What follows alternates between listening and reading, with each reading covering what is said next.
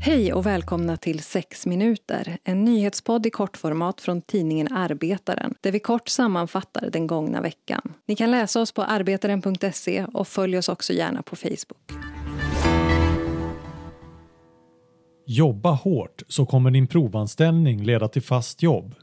Det var e-apoteket Apoteas löfte till de 26 afghanska ungdomarna som provanställdes i ett gemensamt projekt med Stadsmissionen. Men för nio av dem är det klart att det inte blir verklighet. Karim, som arbetaren valt att kalla honom, är en av dem som åkte ut när provanställningen var till ända. Som en följd riskerar han nu utvisning. Jag gjorde mitt allra bästa där på jobbet. Jag skötte mig bra, men det räckte inte. Jag vet inte varför och kommer inte veta varför de gjorde så. Mitt liv hängde på det här jobbet, säger Karim till Arbetaren.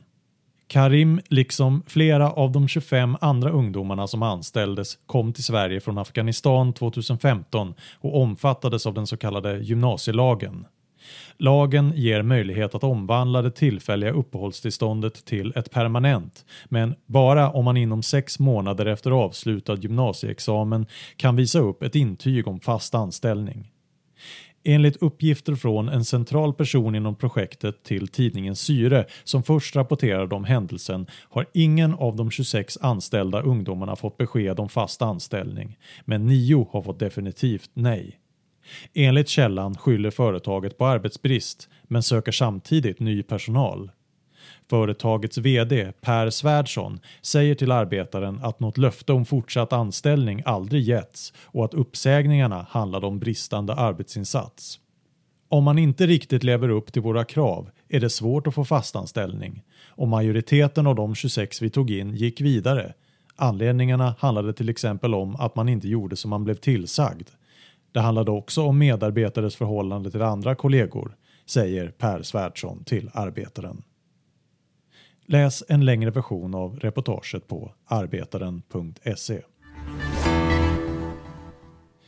Den 25 november på den internationella dagen för avskaffandet av mäns våld mot kvinnor gick tusentals ut på gatorna i Istanbul i protest mot den sittande regeringen.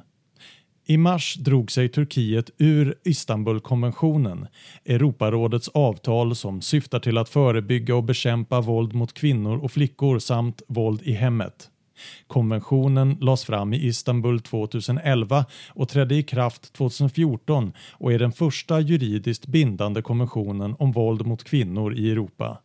Konventionen fastslår att våld mot kvinnor är ett brott mot de mänskliga rättigheterna. Men i våras lämnade alltså Turkiet överenskommelsen. Samma dag som demonstrationen mot våld mot kvinnor skulle hållas hade polisen spärrat av stora delar av Istanbuls centrum för att förhindra människor att ansluta sig till protesten vid den populära shoppinggatan Istiklal.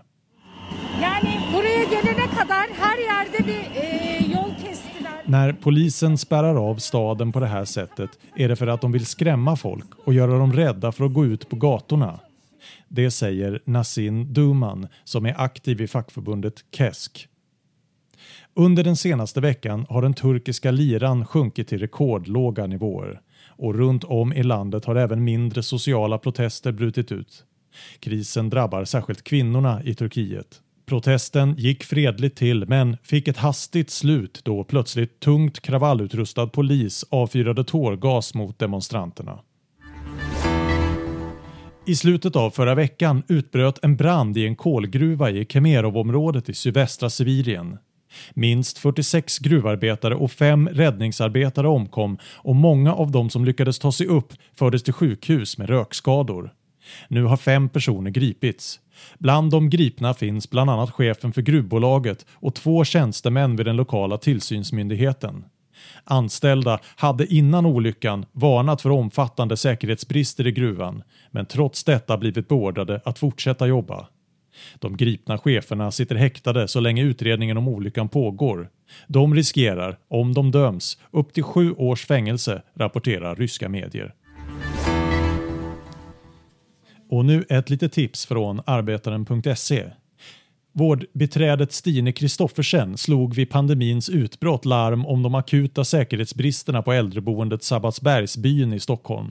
Det ledde till att företaget Attendo anklagade henne för illojalitet, men lyfte också ut allvarliga missförhållanden i offentligheten. För det fick hon SAC-syndikalisternas civilkuragepris. På arbetaren.se kan du se en längre intervju från Arbetaren TV. Mötet öppnas liksom med att den här HR-specialisten säger att vi har en skriftlig varning här till dig för att du har ljugit i media om eh, de smittskyddsåtgärder som de eh, sa att de eh, tillhandahöll till våra patienter. Det känns jättenaivt att säga det så här i efterhand men en liten del av mig hoppades naturligtvis att de ville förbättra smittskyddet och att det var därför de kallade in mig. Stine tilldelas därför civilkuragepriset år 2021. Men jag har väldigt mycket dubbla känslor själv för eh, att bli så hyllad över någonting som gick så snett. Se hela videointervjun med Stine Kristoffersson på arbetaren.se. Därmed är dagens podd till ända och vi önskar er en trevlig vecka tills vi ses nästa gång.